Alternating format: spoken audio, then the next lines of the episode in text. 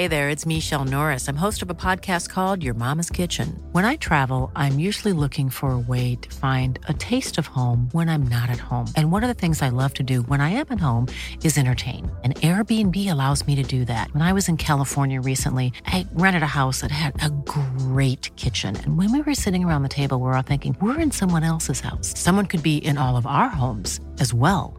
If you have a home, but you're not always at home, you have an Airbnb. Your home might be worth more than you think. Find out how much at airbnb.com/slash host. When you're ready to pop the question, the last thing you want to do is second guess the ring. At Bluenile.com, you can design a one of a kind ring with the ease and convenience of shopping online. Choose your diamond and setting. When you find the one, you'll get it delivered right to your door. Go to Bluenile.com and use promo code LISTEN to get $50 off your purchase of $500 or more. That's code LISTEN at Bluenile.com for $50 off your purchase. Bluenile.com code LISTEN.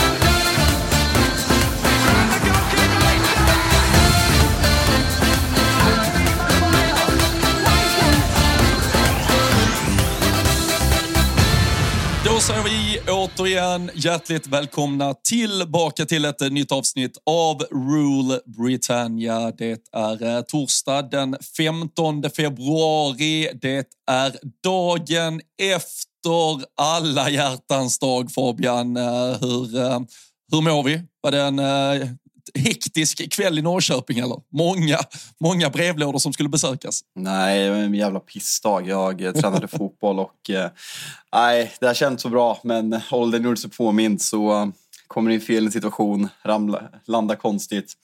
Nej, det smäller ju både i ryggen och höger ländrygg och vänster ljumske samtidigt. Hur lyckas man?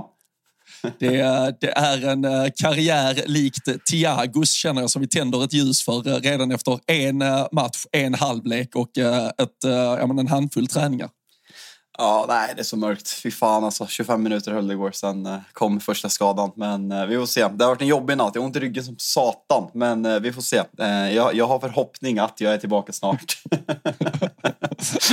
det, det, det låter eh, bra. Det, men det, du ska vara optimistisk i alla fall. Och eh, om eh, man eventuellt känner att det är en lite mörk, lite halvjobbig torsdag förmiddag och eh, man kanske till och med har ont i ryggen som Fabian, då, då kommer det fram en torsdag som ljusnar lite. För eh, vi ska alldeles strax få Eh, besök här eh, Fabian. Ett eh, kärt återseende i Rule Britannia.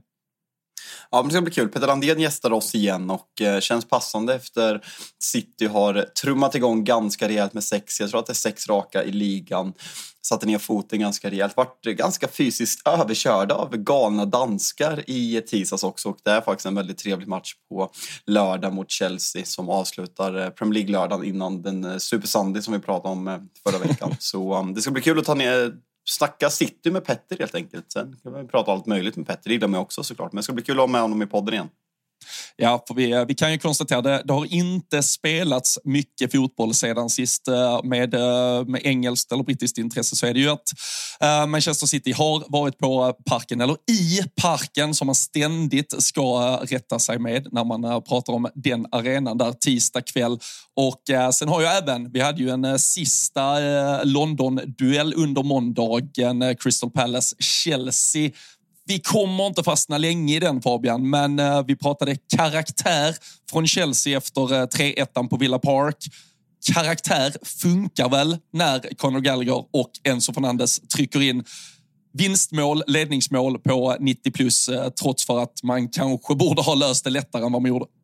Ja, alltså, det, det är klart att det går att nämna karaktär, att man kämpar till slutet. Men så, så, det är så jävla lågt ställda förväntningar om man inte kan kräva att spelare kämpar till slutet. För liksom, såg att Daniel Olinklint la ut Crystal Palace startelva inför matchen och skrev liksom det här skulle kunna vara ett Chelsea-spel. Eller ett Championship-lag.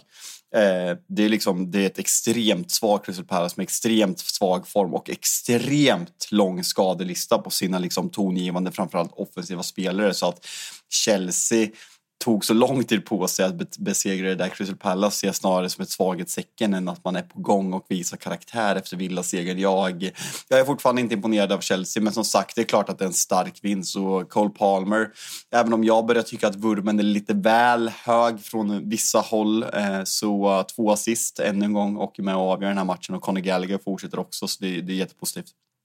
Ja, men såklart. Och det, det verkar väl nu, om vi ska ta in eh, surret från öarna, som att eh, Roy Hodgsons dagar kanske räknar. Konstaterade jag i morse att det är faktiskt bara en, eh, vi har bara haft en sparkad tränare så här långt på hela säsongen. Roy Hodgson ser väl kanske ut att bli nummer två. Då pratar man väl kanske av respekt för Roy Hodgson, inte riktigt i termerna av att han ska sparkas. Men Crystal Palace vunnit tre av de senaste 19 matcherna. Oj. Och man eh, verkar ju förhöra sig kring eh, Kieran McKenna. Eh, droppar väl du eh, namnet kring den här gamla United-assistenten Han har väl United-koppling i alla fall. Och, eh, men nu då, front runner att ta över Palace. Man ska vara i diskussioner med Eintracht Frankfurts tränare Oliver Glasner och då ska man i så fall hitta någon mutual termination av kontraktet på Roy Hodgson. Men det är väl sannoliken dags för Crystal Palace att hitta en lösning framåt. Ja, men det tycker jag verkligen. Sen tycker jag fan att de ska ha mer kritik än vad de får. Alltså, det var liksom...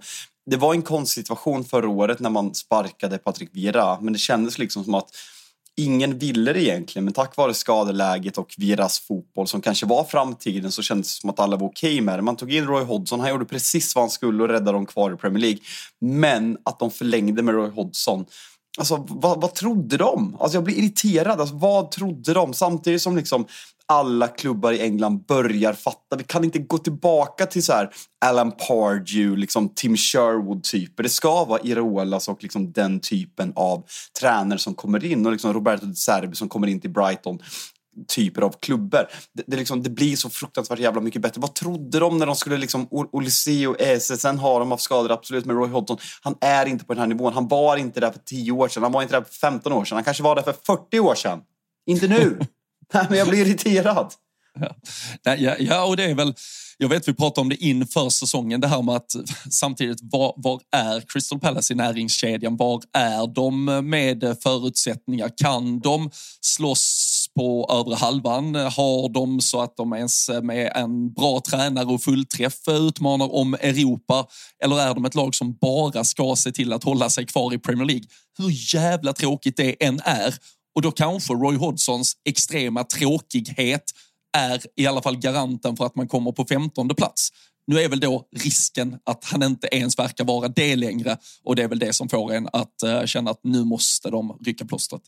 Ja, nej, men, ja men verkligen. För det, det, både Nottingham och Pallas, man har ju liksom räknat ut att det är lugnt för alla nykomlingar så jävla dåliga den här säsongen. Men nu när liksom Luton har börjat vinna skapligt mycket matcher och liksom tagits upp där och Everton har fått sina 10 poäng och även om vi tycker att Everton imponerar ganska ofta så, så tar de inte poängen. Så det är det som är problematiken, att de här lagen börjar kunna åka ut. Eh, så nej, vi, vi får se helt enkelt vad, vad Pallas gör. Men jag tycker att det måste ske en förändring. Man fick bra effekt på det förra året och nu är det faktiskt dags igen. Sen om man ska gå vill man gå för spelmässigt, liksom, där kan vara en fara att få in en tränare nu som vill börja spela helt plötsligt. Förra året var det liksom en succé med Roy Hodgson som kom in, eh, som kom in med det spartanska, liksom, gamla liksom, klassiska brittiska. Men att komma in likadant nu och satsa långsiktigt, det, det är en svår balansgång det där. Man, eh, man vill ju ha Big Sam eller Mourinho på, Mourinho kommer inte ta pallas, man vill ju ha liksom, den typen av karaktär. Jämför det precis José Mourinho med Big Sam, det ber jag om ursäkt för José. Om du lyssnar så ber jag väldigt mycket om ursäkt. Men man vill ju ha in en Big Sam, typ en, uh, fan heter Martin, ska vi, ta, ska vi inte damma av Martin O'Neill? Fy fan. Sitter han kvar på Celtics bänk eller? Jag vet inte. Nej, jag vet inte. Alltså Martin O'Neill var ganska, jag gillade honom när han var i Villa runt, runt 2010, 08 där. Ja, han var en väldigt fin intervju med, alltså, i samma skrå som är Neil Warnock såklart. Han är väl liksom eh, ärkedinosauren i sammanhanget. Det var, han tog väl över en skotsk klubb nu va? Ja men exakt, fick en fråga på presskonferensen, liksom, varför gör du ens det här? Så sa han, nu låter du som min fru. Hon undrar ju också varför i helvete. Så han, han, känner, han har kanske inte jättemycket att vinna egentligen på att förlänga den där fotbollskarriären. Jag tänker Chelsea, eventuellt, vi kan ju komma in på det lite med, eh, med Petter också med tanke på att det är City, Chelsea eh, kan man säga vad han tror om deras potentiella möjligheter att störa City på lördag. Men eh, innan vi ringer Petter, lite kort bara Fabian, även i United-led. Senaste nytt där är ju att eh, Ineos och eh, Ratcliffs övertagande nu är godkänt av både FA och Premier League. Eller övertagande, vi pratar om de där 25 procenten såklart. Och eh, nu då också ganska intensiva rykten och uppgifter som gör gällande att eh, Dan Ashworth, eh, som eh, med förflutet i först Brighton, han blev ja, men den som skulle börja bygga det nya Newcastle. Vi har pratat om honom tidigare och nu verkar United ha öronmärkt att det är han som ska vara den som leder den sportsliga ombyggnationen av United också. 130 miljoner uppges det att ni ska behöva betala för att få in en vettig sportchef, men det hade väl varit de bäst investerade pengarna ni gjort och lagt de senaste åren? Nej, men som du säger, alltså, med tanke på hur mycket skit vi har spenderat för spelare genom åren så känns det som en väldigt bra och billig affär. Och det har jag varit inne på tidigare när vi tog den här äh, från City att det känns verkligen som att Glazers har satt såna jävla pissmänniskor på de här platserna inom alla år. Så att det kommer in en ägare, liksom, det här var ju bara en formalitet att han skulle få godkännande men det är klart att det är positivt att Ineos kommer in bekräftat. Men att man går och värvar kompetent fotbollsfolk med liksom ett track record som är positivt. Det tycker jag visar att de, de vet vad de gör väldigt tidigt och Dan Ashworth, alltså för, först i Brighton och sen senare även i Newcastle, hur han har värvat spelare som inte är på den översta hyllan, liksom rent prestationsmässigt. Sven Bottman, Bruno Gimares, sådana typer av spelare som man har värvat som har gjort det extremt bra på kort tid i Newcastle för billiga summor. Om man ser liksom vad, vad andra klubbar betalar för spelare idag så, så ser jag det som väldigt positivt. Sen har det inte gått igenom än, men senast är väl att han har berättat för Newcastle att liksom United har kontaktat honom och känslan är, jag säger det igen, jag säger, nu kommer det låta som Gary Neville, men this is Manchester United. Newcastle får ha sin jävla piff i ryggen, men Manchester Uniteds varumärke är så fruktansvärt mycket större och kommer United och knackar på dörren så är det svårt att säga nej och framförallt i den här ombyggnationen som förhoppningsvis börjar nu så, så ser jag det som ja, men väldigt positivt och svårt att se att det inte kommer gå i lås och eh, kanske vara igång redan till sommaren med tanke på informationen som har kommit ut nu. Ja, och alltså med tanke på tio, tio, tio, ganska mörka år i stort sett så, så är det ju för Dan Ashworth eh, någonstans chansen att ja, men kröna verket. Eh, det är, ju, det är ett lite hipsterval när man pratar sportchef med tanke på att det var förflutet i Brighton, vad han gör i Newcastle. Men skulle han vara mannen som någonstans tar Manchester United tillbaka till den absoluta toppen, då, då är det ju det slutgiltiga erkännandet på, på vilken fotbolls eh, expertis han, han besitter. Så jag tror också det här, det här kommer gå i hamn, eh, gå i lås och eh, framförallt så tror jag tyvärr också att det kommer vara väldigt bra. Så grattis kanske till er för det i alla fall. Men vi är tillbaka. Vi, ska, vi är tillbaka. Vi är tillbaka. Vi är tillbaka. Kanske, kanske snart tillbaka. Vi, vi, får se. vi får se. Någon som är tillbaka i Rule Britannia i alla fall, det är eh, Peter Landén. Vi ska ringa upp honom nu och snacka Manchester City. Small details are big surfaces. Tight corners or odd shapes? Flat, rounded, textured, or tall? Whatever your next project, there's a spray paint pattern that's just right. Because Rust new Custom Spray 5 and 1 gives you control with five different spray patterns. So you can tackle nooks, crannies, edges, and curves without worrying about drips, runs, uneven coverage, or anything else. Custom Spray 5 and 1. Only from Rust I'm Sandra, and I'm just the professional your small business was looking for. But you didn't hire me because you didn't use LinkedIn jobs. LinkedIn has professionals you can't find anywhere else, including those who aren't actively looking for a new job but might be open to the perfect role, like me. In a given month, over 70% of LinkedIn users don't visit other leading job sites. So if you're not looking on LinkedIn, you'll miss out on great candidates like Sandra. Start hiring professionals like a professional. Post your free job on linkedin.com/people today.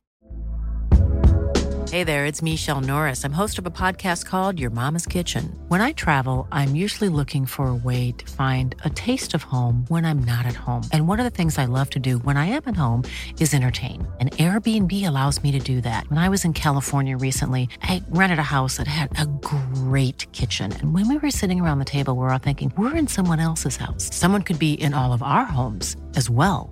If you have a home, but you're not always at home, you have an Airbnb. Your home might be worth more than you think. Find out how much at airbnb.com slash host.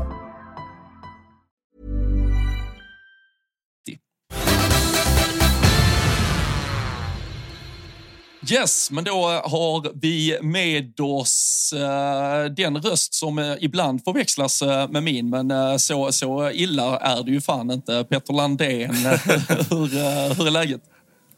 Eh, ja, nu är det ju frågan om du pratar med dig själv då eller om ni faktiskt har en gäst. Eh, tacksamt nog så har jag någon sån här eh, februariförkylning som gör att jag, eh, jag står ut från, eh, från det i övrigt. Det är en väldigt så här friska, eh, gå på gymmet i alla fall tre dagar i veckan stämma. Ja, ja, jag vet inte, har du, eh, kommer du också skicka in en ansökan eh, till att eventuellt bli Jon Dahl Tomassons tolk om han tar över landslaget. För eh, Josip Ladan försöker ju eh, jobba in eh, mig i den rollen, men jag mm. vet mm. ju att du är en eh, stark konkurrent ifall det kommer in ett CV också. Ja, jag, alltså, jag har i alla fall sagt till min arbetsplats eftersom det, kunskapen om danska är så skrämmande patetiskt låg bland mina kollegor att jag, jag har ju ett skäl för väldigt mycket höjd lön när JDT tar över. Alltså på riktigt hade jag, det var någon instans eh, bara härom veckan någon intervju med valfri allsvensk dansk fotbollsspelare. Så, och, då, och då sitter varenda eh, kollega på redaktionen och ser ut som frågetecken. Bara, Petter kan du översätta? Ja, alltså det kan jag göra. Men han, han, han, pratar, han pratar ju svenska med dansk brytning. Alltså det, det, han pratar ju inte danska. Det är det roliga med Anders Christiansen är ju en sån som har anpassat sig väldigt väl. Så han, ja. han använder ju i stort sett uteslutande svenska ord. Men visst, det är ju såklart ja. en dansk ton kvar. Men så sitter svenskar och säger, jag fattar inget vad han säger. Men det är ju svenska för helvete. Ja, nej, men, men jag vet, jag vet. Alltså det, det, det är fruktansvärt. Alltså det, det är så att alla måste bli Lasse Vibe. Att prata som att han är född i Örgryte sekunden han landar på Landvetter. För att de ska förstå. Ja, det är, det, mitt främsta hat mot svenska folket i, i regel är den vedervärdigt liksom, nedslig inställning till att ens försöka förstå danska. Ja. Uh, Fabian Jalkemo, du, eh, du befinner dig ju i spektrat av svenskar som inte försöker ens förstå danska. Det kan vi vara ganska tydliga med. Va? Alltså det finns ju värre, men eh, nej, jag, jag går in med en ganska negativ inställning när jag hör danska från första början och eh, känner rent eh, ja, men instinktivt att det här fattar inte jag. Men jag tycker ändå att jag levererade ganska bra när, vi, när jag satt mitt emellan dig som pratade danska och Viaplays Nils Christian Fredriksen på ett plan mellan eh, Köpenhamn och eh, Manchester. Så där, där steg jag faktiskt, så jag, jag, jag är på frammarsch. Ja, så är det. Eh, steget eh, till eh, Manchester Citys senaste vecka är inte långt när vi nu har haft ett par minuter om det danska språket. Petter, ni var i parken, väldigt viktigt att mm. säga det, ja. när Manchester City fortsatte sin resa framåt i detta upplaga av Champions League. Det är inte lätt att vara i parken ska ni veta. Nej, men sjunde raka matchen landar vi ändå i där Manchester City gör minst tre mål i årets eh, Champions League-säsong. Eh, resultatmässigt så såg det ut att under stunder sitta lite hårt inne, men eh, det var en ganska så överlägsen match från start till mål. Ja, jag, jag, tycker att den är ganska, eh, ska man säga, en bra symbol eller symptomatisk för hur City har sett ut med ganska få undantag sen kanske november, december. De tydliga är ju de här eh, vansinniga gung-ho-matcherna mot Chelsea och Tottenham som är så 3-3, 4-4. Eh, där jag tycker annars att City har varit det bättre laget, det spelförande laget, det eh, kontrollerade, lite mer gamla eh, City som man, som man känner igen. Eh, men också med en faslig förmåga att släppa in jävla dumma mål. Eh, I, i, I dubbelmöte mot FCK så gör det ju inte så mycket över 180 minuter. Jag är inte särskilt orolig för att Ederson inte ska, alltså att han ska slå tillräckligt många felpassar för att det ska liksom skita sig. Det, det kommer ju inte hända. Eh, däremot så, eh, några så här saker som jag tar med mig är att Kevin De Bruyne fortsätter göra mål i utslagsmatcher i Champions League. Eh, det är lätt att glömma bort, men om du tittar på spelare om du tittar på de spelare som de senaste fem säsongerna har gjort flest mål i slutspelsfasen av Champions League tror jag De Bruyne är fyra eh, bakom Benzema, Haaland och Lewandowski. Eh, och det är ingen slump att det är han som kliver fram i de här eh, lägena, eh, skulle jag säga. Och det är extremt viktigt för City att ha honom tillbaka till det här till det här stadiet av säsongen. eh, snarare än att han skulle ha varit med i, i början. Får jag fråga dig Petter, gällande det där du är inne på med era insläppta mål. Vad är din analys av det? För det som imponerade kanske mest på mig med trippelvinnande City är ju, och när man gick i, i, i Cup Arsenal i förra våren, att man liksom, man började spela ja, men ofta med fyra mittbackar och man, liksom, man stängde igen totalt och höll nollor. Nu är det väl, om jag inte helt fel ut, jag tror att det är två nollor senaste 14. Sen är inte det liksom ja, kostat så, ja. ja. men det har inte kostat så mycket för att man gör så fruktansvärt mycket mål som Robin också är inne på. Men vad beror det här på? För kollar man på namnen, det är ju ganska liksom, det är ju namnkunnigt Satan och Rodri som block där. Det är liksom, Stones har börjat komma tillbaka. Sen tycker jag att Stones har saknats den här säsongen överlag, för han var liksom kanske vårens bästa spelare, framförallt defensivt, när han kom in på den här inverterade mittbacksrollen. Men vad är det som, vad gör att ni släpper in de här målen om vi, om vi jämför med i våras? Ja, men det, det, är ju faktiskt omställningar eh, alltså i, i truppen eh, framför allt. Eh, det är ju så här, Stones har saknats oerhört mycket. Eh, jag tycker att Rodri lämnats lite ensam eh, på mittfältet långa stunder för att även om eh, Nunez är, att det finns intressanta kvaliteter i honom så är han absolut inte Ilkay Gündogan. Jeremy Doku också, det är ju en bra Raheem Sterling men han är inte Riyad Mahrez. Eh, Jack Grealish har varit betydligt mycket sämre och frånvarande den här säsongen än förra. Och man kan tycka vad man vill om den kastrerade Manchester City-versionen av Grealish men han är väldigt bra på att kontrollera, sätta tempo, veta när han ska släppa bollen. Um, Josko Guardiol som är ny i den här backlinjen och ska spelas in. Uh, det har förändrats en del i Citys trupp och det är ju en trött tråp eller kliché eller vad man vill kalla det. Men det, det, det tar tid att anpassa sig till Pep Guardiolas spel. Jag tycker man ser det på Doky. Jag tycker definitivt man ser det på Nunez. Eh, man ser det inte lika mycket på Guardiol eh, ändå. Eh, vilket är ett, stort beröm till honom. Men att det skulle kännas, att det skulle svida att så pass ledande figurer som Gündogan och Mares försvann, det räknade jag med. Och jag tror att det är ganska avgörande i det här. Det är mindre kontroll. Ja, för det var det jag skulle säga. Det, nu, nu har man ju sett den, om på, på, på, papper har det ju varit den här 4-1-4-1 uppställningen eh, några av de senaste veckorna och eh, i avsaknad periodvis då, eller lång period av eh, Kevin De Bruyne och sen även Haaland var det kanske lite ett val från Peppa att okay, men släpp loss de andra offensivt så får vi i alla fall gemensamt hitta sättet att göra de där två, tre, fyra målen som vi annars hade fått från framförallt Erling Haaland kanske. Och så får vi väl kanske vara okej okay med att vi släpper till ett. Så det är snarare en ja, mentalitetsfråga kring hur man off-def har balanserat det.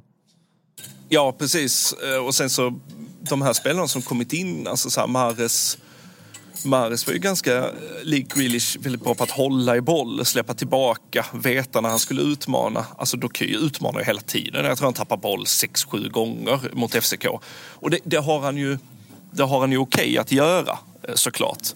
Nunez är också en väldigt mycket mer direkt spelare än vilka Gündogan är. Eh, när du har spelare då, De Bruyne, Foden, Haaland och Ky, Nunez på plan, då är det ett väldigt annorlunda Manchester City jämfört med det, liksom, vad ska man säga, eh, genomsnittliga trippelvinnande laget som baserade nästan enbart på kontroll. Eh, och därför tror jag också, om man tittar på just Champions League eh, slutspelsmatcher. Jag, jag, tänkte på det på uppställningen igår. Nu var det ju tråkigt att Grealish tvingades gå av skadad, men det var ingen slump att han startade. Pep har ju suttit och tittat på vad United och Bayern har råkat ut för när de har kommit till parken. Eh, och sa efter matchen att när man möter ett lag som det här som spelar på fysik, snabbhet, omställningar med en kokande arena då, då får du egentligen inte lov att göra mål första tio minuterna. Du ska spela tusen passningar, du får inte lov att skjuta. Du ska få tyst på den där jävla arenan. Det ska inte bli den här eh, bubblande, kokande stämningen som bär FCK framåt. Du ska kväva dem tills de dör och sen spela in två tråkiga mål och spela av. Men det jag såg några siffror på det så era XG, ni, ni överträffar ju er XG enormt. Alltså det, ni är ju rakt eh, motsatta spektrat kring eh, Liverpool som är någonstans symboliserat av en Darwin Nunes som, som liksom skjuter 48 skott och till slut så kanske ett går stolpe in liksom med någon eh, strumprullare eller någonting. Men mm. där, där har han har ju den här, han är ju en division 6-anfallare på så sätt att han blundar och bara bombar. E exakt, men, men där har ni ju varit, ni har ju tagit det till extremer den här säsongen skulle jag nästan nästan säga. Ni har ju alltid varit liksom, det ska rullas fan i förbannelse. Men den här säsongen så vill ni ju i stort sett rulla tills det är öppet mål och ni har förnedrat motståndare med just de där 200-300 passningarna i stort sett. Mm. Jag vill bara hugga in ja, jag, jag... lite snabbt Petter, att, eh, mm. ja, men gällande det där Robin sa, för det där är en förändring. För om man kommer ihåg alltså, säsongen Liverpool vinner, som Liverpool, det känns när man kollar på TV att Liverpool verkligen krossar och man avgör ju ligan väldigt tidigt. Men sett till XG vinner ju City även den säsongen. Nu känns det mm. som att Liverpool har blivit, sen är det där mycket dopat på grund av Darwin Nunez, men City känns, det känns på något sätt nytt i år. För City har vunnit den där XG-tabellen överlägset varenda säsong. Mm. Och jag, jag tror att det är ett eh, en desperat jakt från Pep på att återvinna kontrollen. Ehm, att nästan hindra spelare från att vara direkta, från att eh, gå på den instinkten rakt på mål. Ehm, och det är sånt som gör att väldigt många matcher väldigt snabbt kan bli avslagna eh, som neutral åskådare. Eh, men det var, alltså Pep är ju väldigt skadad, inte minst av den här Real Madrid eh, Champions League-vändningen. När det blev för direkt, det blev för okontrollerat. Och det är ju så du straffar City på absolut bästa sätt. Eh, genom att utnyttja, alltså i och med att själva spelidén bygger så mycket på att hitta exakt rätt timing, att spelaren ska vara på exakt rätt position. Så rubbar du rytmen så går det ju att straffa City väldigt, väldigt enkelt. Mm. Det svåra är att få dem ur rytm. En, eh, en spelare vi har eh, berömt mycket på, på senare tid, men också i kanske hela säsongen med tanke på just eh, skadefrånfällorna som har varit på, på övriga stjärnor där framme. Phil Foden, kan mm. du hålla med om att det är ja, men ett nytt steg i hans fotbollsutveckling vi har sett den här säsongen och är det nu på allvar vi måste börja prata om honom som en av de absolut bästa offensiva spelarna där ute i världen? Ja, God morgon, god morgon påkar. det, det, är de stenar Va? vi ligger under och ja, de ja, kan inte den här, This generational talent, is he any good? Ja, uh, ja det är han. Uh, jag tycker, alltså grejen är att han är, han är fortfarande en, en spelare som likt typ uh, Gabriel Jesus egentligen hämmas av Manchester Citys sätt att spela jag vill ju egentligen att han ska släppas loss ännu mer och få lov att vara helt eh, fri i sin kreativitet. Alltså på nästan det sättet som, kommer ni ihåg Jesus kanske första sex, sju, åtta matcher i Arsenal när han såg ut som mm. alltså, alltså en två miljarder spelare. Eh, det, det, jag tror Foden hade kunnat överträffa det mm, om man hade fått den absoluta friheten. Jag tycker fortfarande, om man sätter på sig sina Pep Guardiola-glasögon, att han gör en del slarv. Eh, han befinner sig fel i position ibland. Men det är, det är någon slags...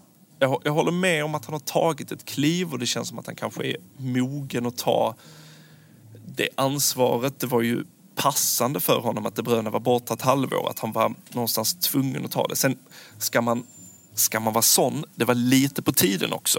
Jag hade känt att det stått och vägt annars om man inte börjat faktiskt visa eh, de här kvaliteterna man har sett i år. Det är ansvarstagandet för poängproduktion, inte minst. Alltså jag, jag har väl känt med Foden att, det är som Petter säger, ingen har tvivlat hans kunskaper men att man har känt en frustration mot Pep Guardiola. Att han liksom, varför får han inte spela? Han kan göra tio svinbra matcher och sen helt plötsligt är han bänkad i fem matcher.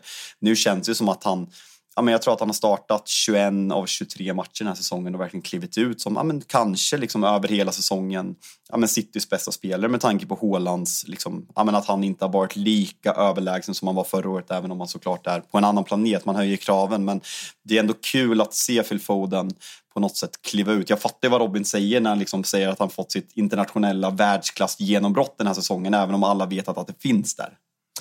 Och kan man inte, om man då fortsätter lägga det pusslet med tanke på hur djävulusiskt bra han har varit hela säsongen så känns det ju kanske som för första gången också ni har gett Kevin De Bruyne chansen att lä läka på allvar för helvete vad bra och vad på riktigt han var direkt han kom tillbaka den här gången. Det har ju varit tider under tidigare säsonger där man kanske har känt att ni har varit tvungna att lite stressa tillbaka honom och då har man fått veckor upp och ner formmässigt. Men här känns det ju som att om vi även lägger det på Foden-kontot, att hans eh, men, nivå under hösten gjorde att ni överlevde så pass bra ändå utan De Bruyne, att han fick bli helt frisk. Och nu, du är inne på avgörande mål som han redan har börjat göra. Vi har även sett honom servera både Håland och andra i det där laget. Nu känns det som att ni har fått tillbaka en Kevin De Bruyne som är i bättre fysiskt slag än ja, kanske vad han har varit på fem sex år i stort sett. Eh, ja, jag, jag, tror du har helt, eller jag tror ni har helt rätt i det. Eh, alldeles uppenbart. Alltså jag, jag, jag ska säga att eh, där blev jag nästan lurad när han gick sönder precis där i början på säsongen. Så kände jag att nu, nu är det slut. Kroppen, är, kroppen håller inte. Detta är en Saudi deal waiting to happen. För att liksom går han sönder så lätt i ett sånt läge då, då, är, det, då är det fan kört. Men uppenbart så var det ju en längre sammanhängande ordentlig rehabvila eh, han behövde. Eh, och kanske, jag vet att van Dijk pratade om det efter korsbandsskadan efter Pickfords lätta touch på honom i straffområdet. Jag vet inte om du minns den Robin?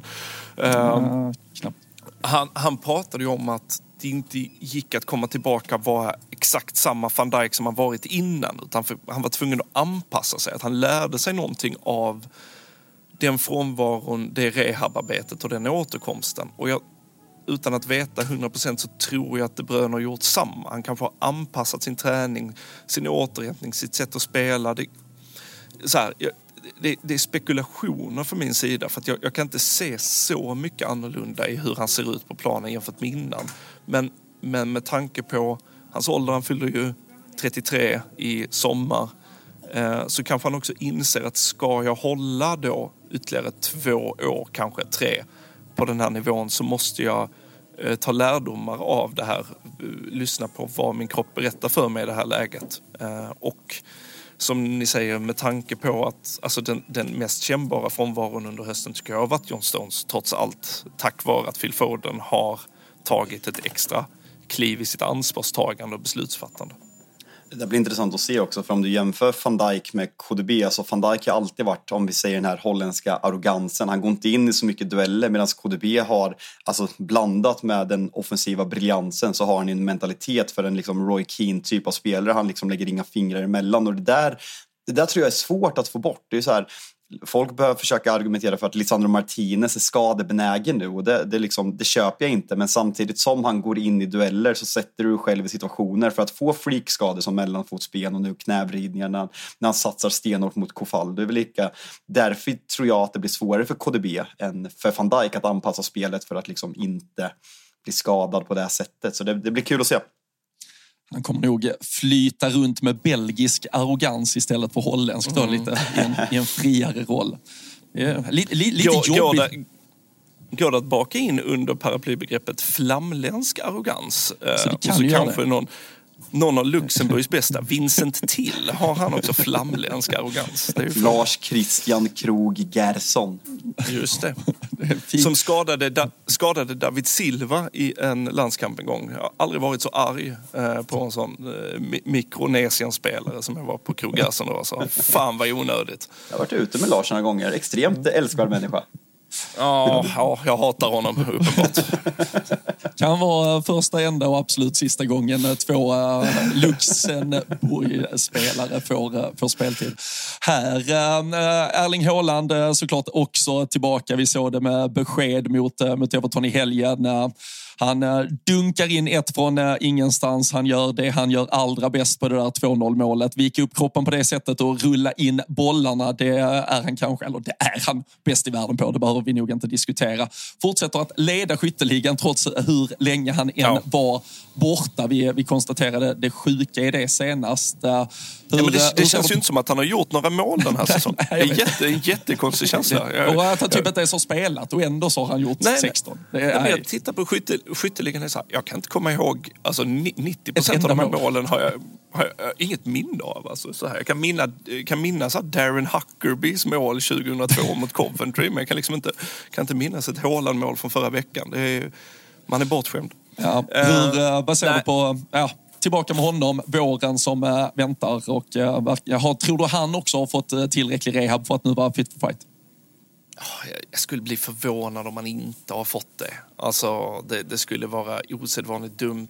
City har ju sett, alltså även om City-spel hackat under hösten så kan de ju också se att de andra toppkonkurrenterna i Liverpool och Arsenal inte kunnat göra något ryck som på allvar stressar dem. Tvärtom så befinner sig City i ett läge där jag tror man mår väldigt, väldigt, väldigt bra egentligen.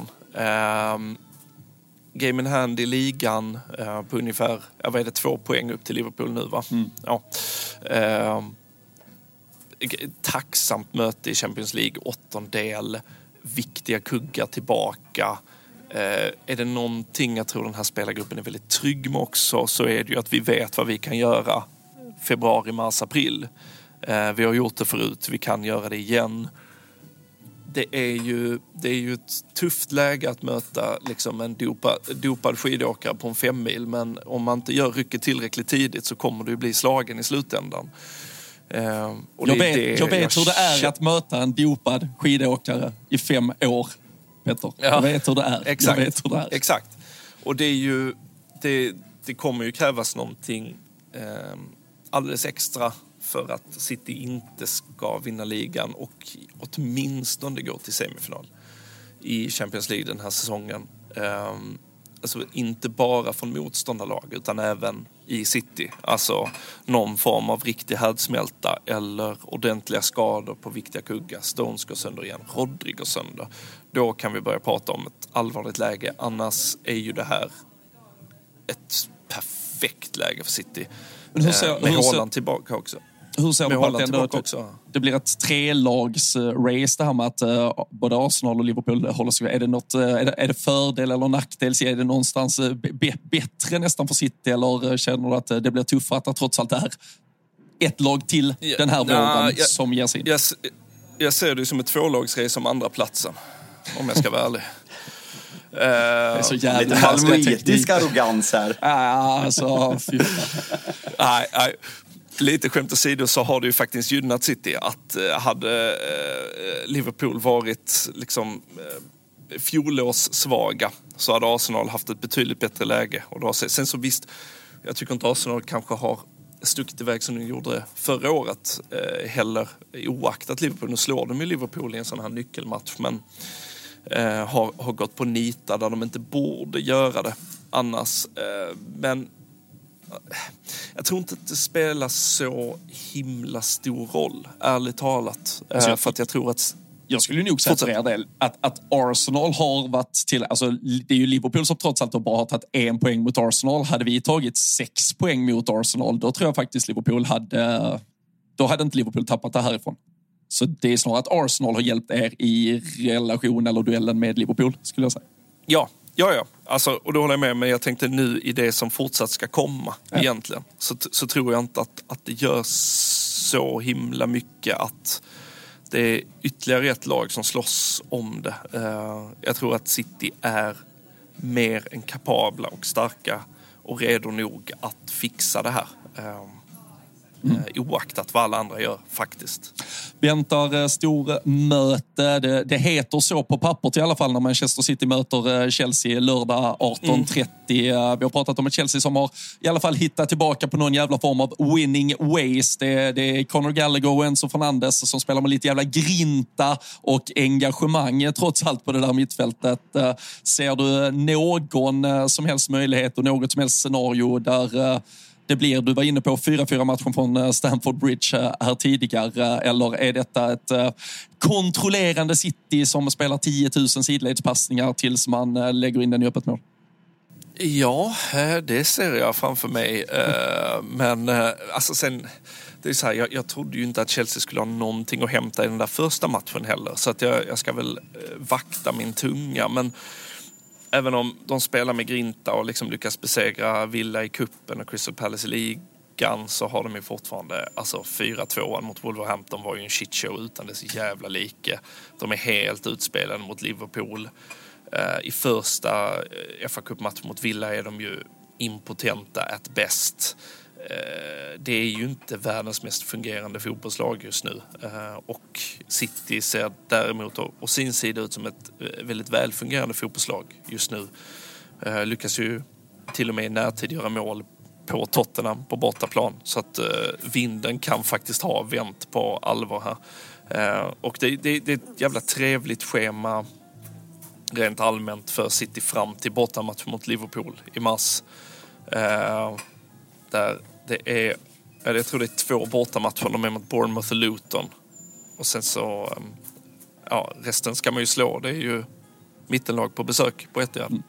Det, det, brukar alltid vara mittenlag på besök på Etihad. Det är det ni gör varje vecka ja. känns det. det är helt, Men vi, helt vi, vi, har ju, vi har ju riggat lottningen även i Premier League. Det är det så här, vet vi, var, var, varför, varför är alltid Crystal Palace på, på besök på Etihad? Fast är det ett lag man hade velat ha på Etihad, det är det ju Crystal Palace, även som alltså, utanför. Så jag, jag hade gillat om Roy kom dit och stal poäng lite varje vecka. Ja. Det, det har han gjort förr.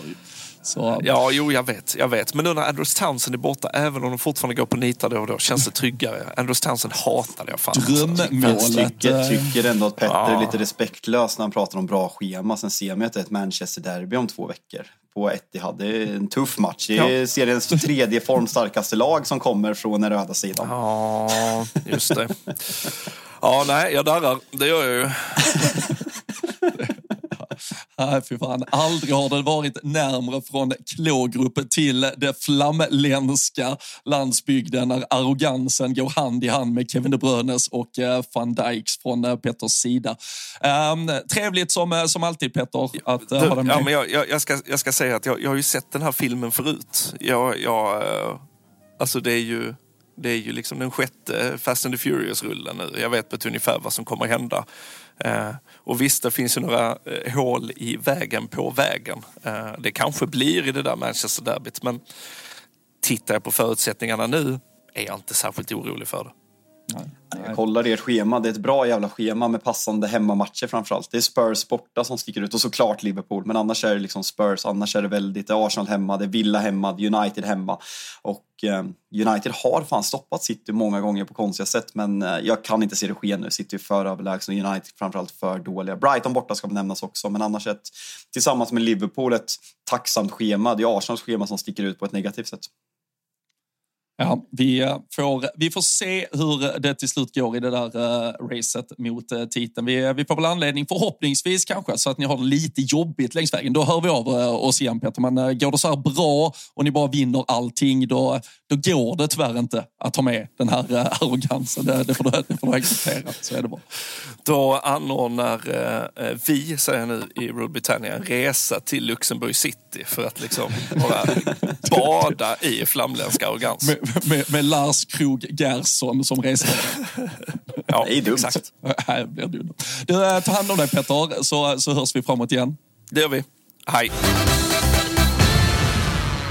Ja, jag kan väl eh, konstatera som, som Liverpool-supporter så, så är det jobbigt att eh, man, man försöker intala sig själv att det finns möjligheter att eh, besegra Manchester City. Men när Petter sitter tillbakalutad, gottar sig åt liksom utgångsläget och ingångsvärdena som finns inför våren. Då, eh, det, det är svårt att känna hur man ska rå på dem ifall detta är ja, men, någon form av tendens till hur det även mås i eh, Manchester Citys omklädningsrum inför våren. Alltså jag, jag avundas ju den här, alltså om, om, om vi drar svensk parallellen, den malmöitiska arrogansen. För jag, även när när United var som bäst, liksom, när jag fick uppleva mina liksom, heydays och liksom, liksom slutet 90-tal men kanske framförallt liksom slutet 00-tal när vi vinner tre raka där och spelar tre Champions League-finaler på tre år. Jag är fortfarande ganska pessimistisk. Liksom, spelar man en bortamatch mot Liverpool, jag gick ju inte in så här, idag vinner vi för vi är Manchester United. Jag var ju pessimistisk redan då, men just den här alltså, arroganta lugnet. Jag, jag avundas det på, på något sätt. Du har ju också, du har inte ett arrogant lugn, du har ju ett världsfrånvänt positivitet lugn. Så det, det är ju en helt annan sak. Men just det här malmöitiska arroganta. Det, det Eller också, luxemburgska.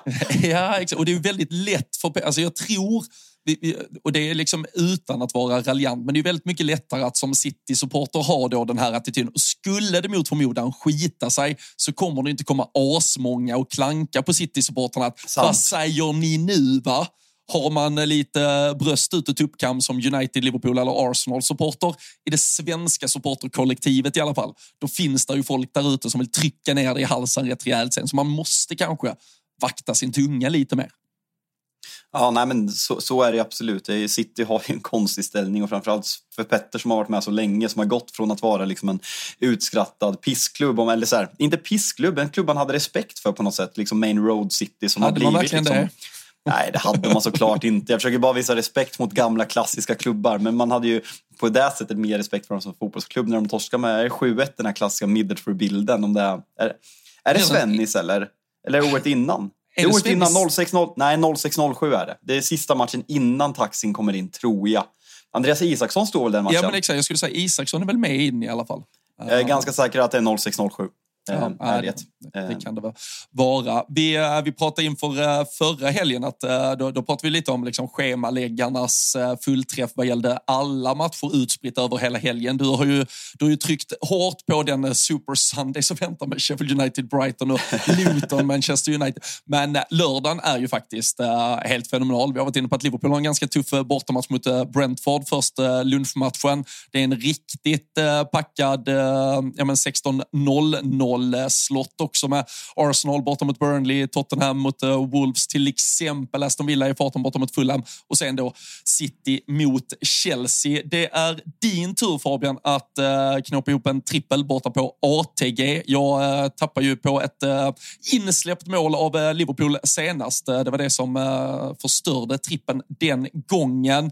Vi tar nya tag. Det är ju såklart Big Nine, alla olika system finns. Tripplar kommer upp. ATG.se slash tutto hittar man allting på. Man ska vara 18 år. Stödlinjen.se finns. Du, eh, du sitter på din kammare och ruvar eh, på tankarna, men eh, vi skickar väl ut det på sociala medier som vi brukar under fredagen, tänker jag. Ja, nej men exakt. Jag är inte helt klar än så det känns dumt att sitta och spekulera för mycket. Men eh, trippen kommer ut i våra sociala medier och framförallt på atg.se slash eh, tutto som eh, du är inne på. Och nya tag. Det är en riktigt tuff eh, Big Nine-omgång så mycket skrällchanser så det, det är kul. Så det, det häng på där. Andelarna kommer ta slut som de precis alltid gör. Eh, troligtvis redan idag torsdag. Så in och kika om ni vill rygga och vara med i värmen till helgen. Och precis som vanligt är det 18 år som gäller om man ska spela. Om man har problem med spel finns stödlinjen till .se till hands. Mm.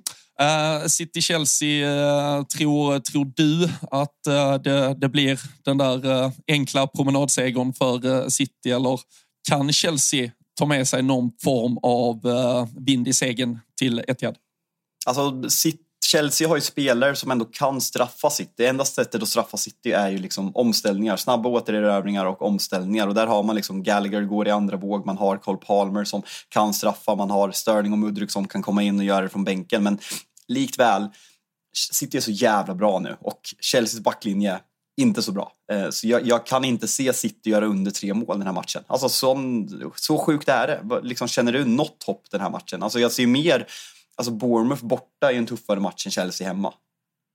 Ja, och ja, nej men så, så alltså hemma är de eller det, det känns i alla fall alltid på förhand som att det är helt omöjligt att sia kring eh, någon som helst eh, utgång där, eh, där City tappar poäng. Sen Sen har man ju, alltså, nu försökte jag ju bara vara lite, lite jag, jag satte ton på det, men när, som sagt Crystal Palace var ju där och tog en 2-2, vilket var helt sinnessjukt. Då hade ju City 2-0 och det var ju kontrollerad och det var en match som egentligen var död och över, men så sprattlade det till. Och jag skickade ju ut på, på Twitter i veckan, jag grep ett litet, litet halmstrå efter att Ederson satte den i gapet på FC Köpenhamns eh, spelarna och eh, det då ledde till ett 1-1 mål. Att det här, och det var liksom, det var inte för att alltså, hänga Ederson i det, men det du också var inne på i diskussionen med Peter, att de ändå, de släpper ju till onödiga chanser. De släpper till en del billiga mål.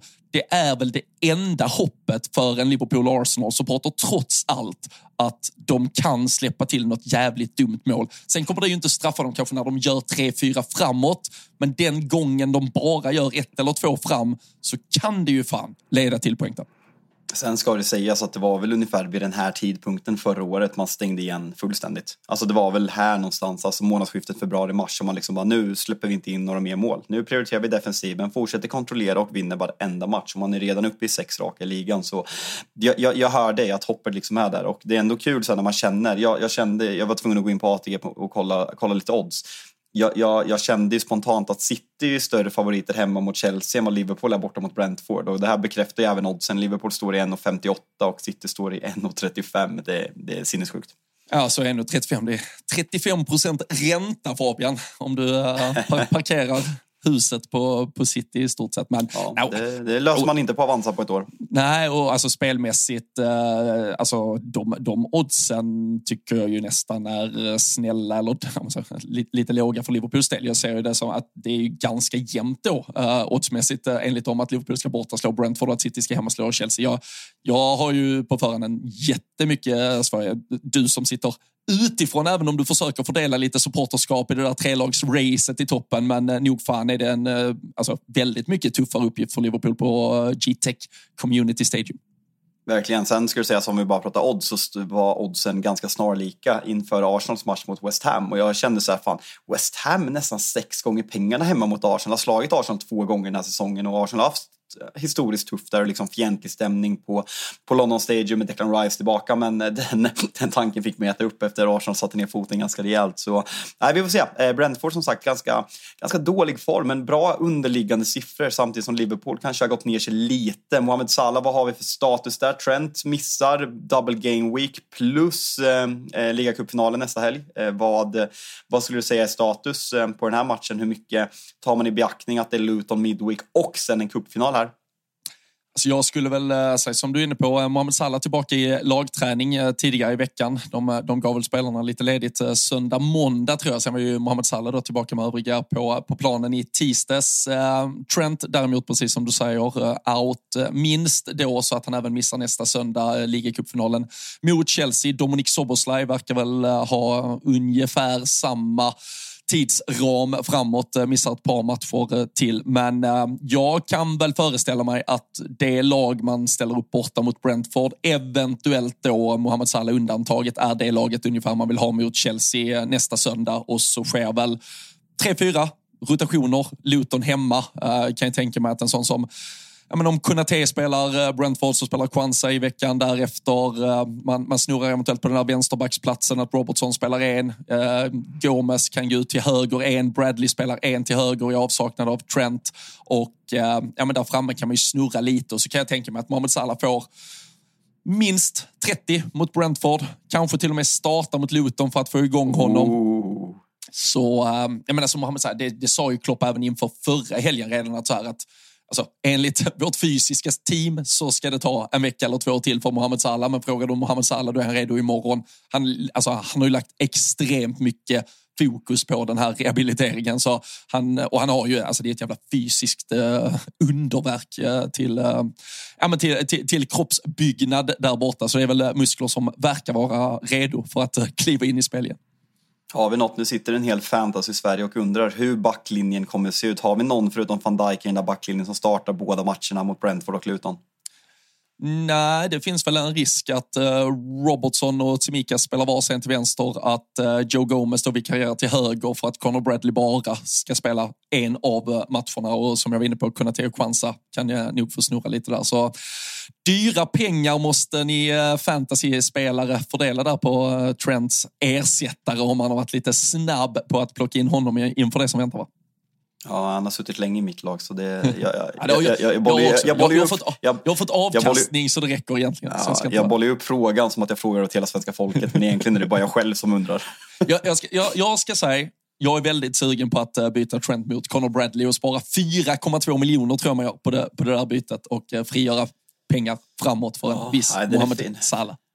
Fan, du och jag går starkt. Jag är typ, vad är jag? Jag tror jag är 30k i världen och ligger ändå efter dig. Så det är, det är ruggig hatmatch här i toppen av Rule Britannia interna ligan. Så, ja, men så, det så är det. Spännande vår. Vi, vi, vi är starka på alla fronter. Uh, Arsenal, Burnley borta. Också sådär en match som låter svår, men det kommer såklart bli 0-3. Ja, överkörning. Jag är faktiskt lite sugen på att spela Arsenal, leda, leda halvtid, fulltid på den i, i en trippel. För jag tror att Arsenal fortsätter sätta ner foten. Nu har man liksom gasat och eh, jag tror att man, alltså man vill hålla igång det. Man, man, man insåg att man gjorde bort sig ganska rejält förra året när man åkte ut mot, mot Sporting i, eh, i Europa League. När man inte gick helt. Sen kommer man såklart gå i Champions League, men att man har tagit inspiration från Manchester City som liksom har tagit det här bara, vinn varenda jävla match. Alltså ingen, ja. rotation, alltså ingen rotation, ingen vila, ingen tänka att vi har den viktiga matchen i helgen igen. Så jag tror att Arsenal vill fortsätta på den här alltså vägen, alltså dels alltså överkörningen prestationsmässigt mot Liverpool, 6-0 mot West Ham och liksom bara städa av Burnley nu så att man kan åka till, till Portugal med ett jävla självförtroende med eh, Pierre Hertin på plats. Så det, det hoppas vi, hoppa, förtjänar han sol eller? Men jag undrar fan Pierre ganska bra saker. Hade du åkt hade jag hoppats på regn. ja, för, nej, alltså, han, han, han taggar ju in sig på någon jävla flygplats i morse också. Så jag vet inte om han ska på Burnley-matchen också. Ska han flyga nu igen? Ja, det var London, London bound torsdag morgon. Så jag vet inte vad, vad som gäller.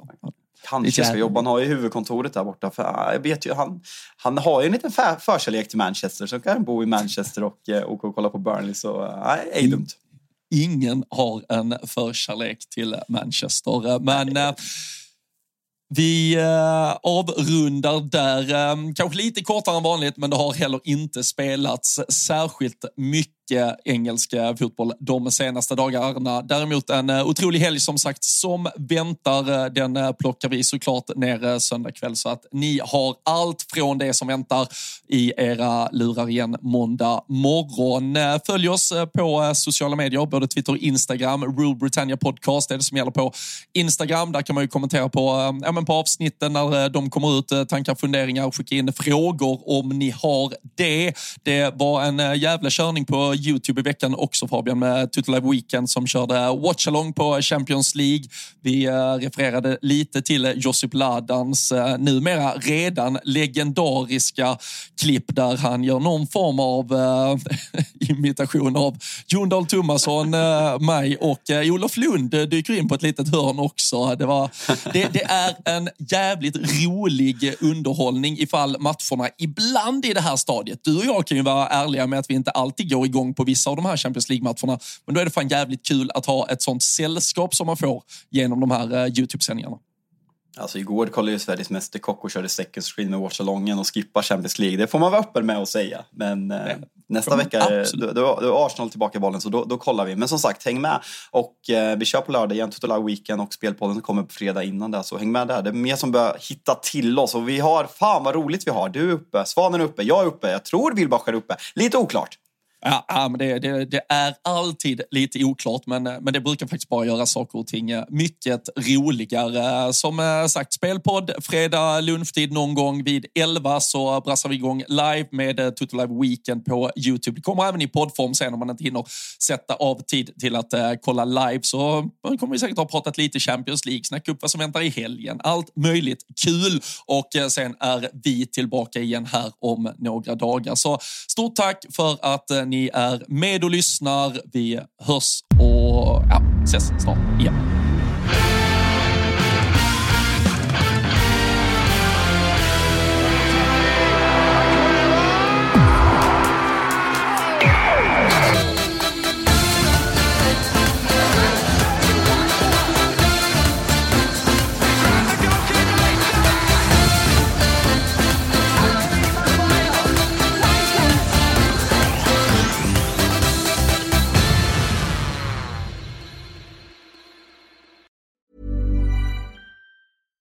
Small details are big surfaces. Tight corners are odd shapes.